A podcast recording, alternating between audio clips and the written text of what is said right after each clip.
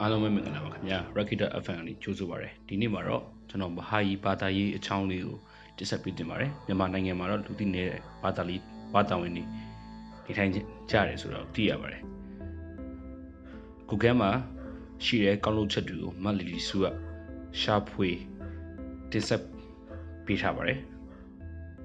1930ပြည့်နှစ်ကမန္တလေးမှာရှိတဲ့ဘာဟာကြီးဘာသာရေးခေါင်းဆောင်များဘာဟာကြီးဘာသာယုံကြည်သူများကမြန်မာနိုင်ငံရဲ့အ တီးငယ်ဆုံးနဲ့လူသိအနည်းဆုံးဘာသာရေးလူနည်းစုများထဲမှာတစုဖြစ်တယ်လို့ဆိုပါတယ်မြန်မာနိုင်ငံမှာဘာဟာကြီးဘာသာယုံကြည်သူပေါင်း8000ရဲ့နေထောင်လျက်ရှိတယ်လို့ခန့်မှန်းရပါတယ်ဘာဟာကြီးဘာသာက19ရာစုနှစ်အလယ်ပိုင်းခန့်မှာစတင်ပေါ်ပေါက်လာခဲ့ပြီးတော့လက်ရှိမှာကမ္ဘာအနှံ့ပြားအထူးသဖြင့်အာရှအာဖရိကနဲ့အမေရိကတိုင်းမှာလူပေါင်း9တန်းခန့်အယုံကြည်ကူးခဲ့ကြတဲ့ဘာသာတစ်ခုဖြစ်ပါတယ်။ဘာဟာယီဘာသာယုံကြည်သူတွေကဘုရားသခင်ဟာတပါးတည်းဖြစ်ပြီးတော့ဗုဒ္ဓ၊မိုးဇက်၊ ယေရှုခရစ်နဲ့မိုဟာမက်အစရှိတဲ့ကမ္ဘာတဝန်းမှာယုံကြည်ရာဘာသာအမျိုးမျိုးကိုတီထောင်သူများကဘုရားသခင်ရဲ့ကိုယ်ခွဲမျှတာဖြစ်တယ်လို့ယုံကြည်ရပါတယ်။1888ခုနှစ်မှာဘာဟာယီဘာသာရေးဆရာတွေကမြန်မာပြည်ကိုရောက်ရှိလာကြပြီး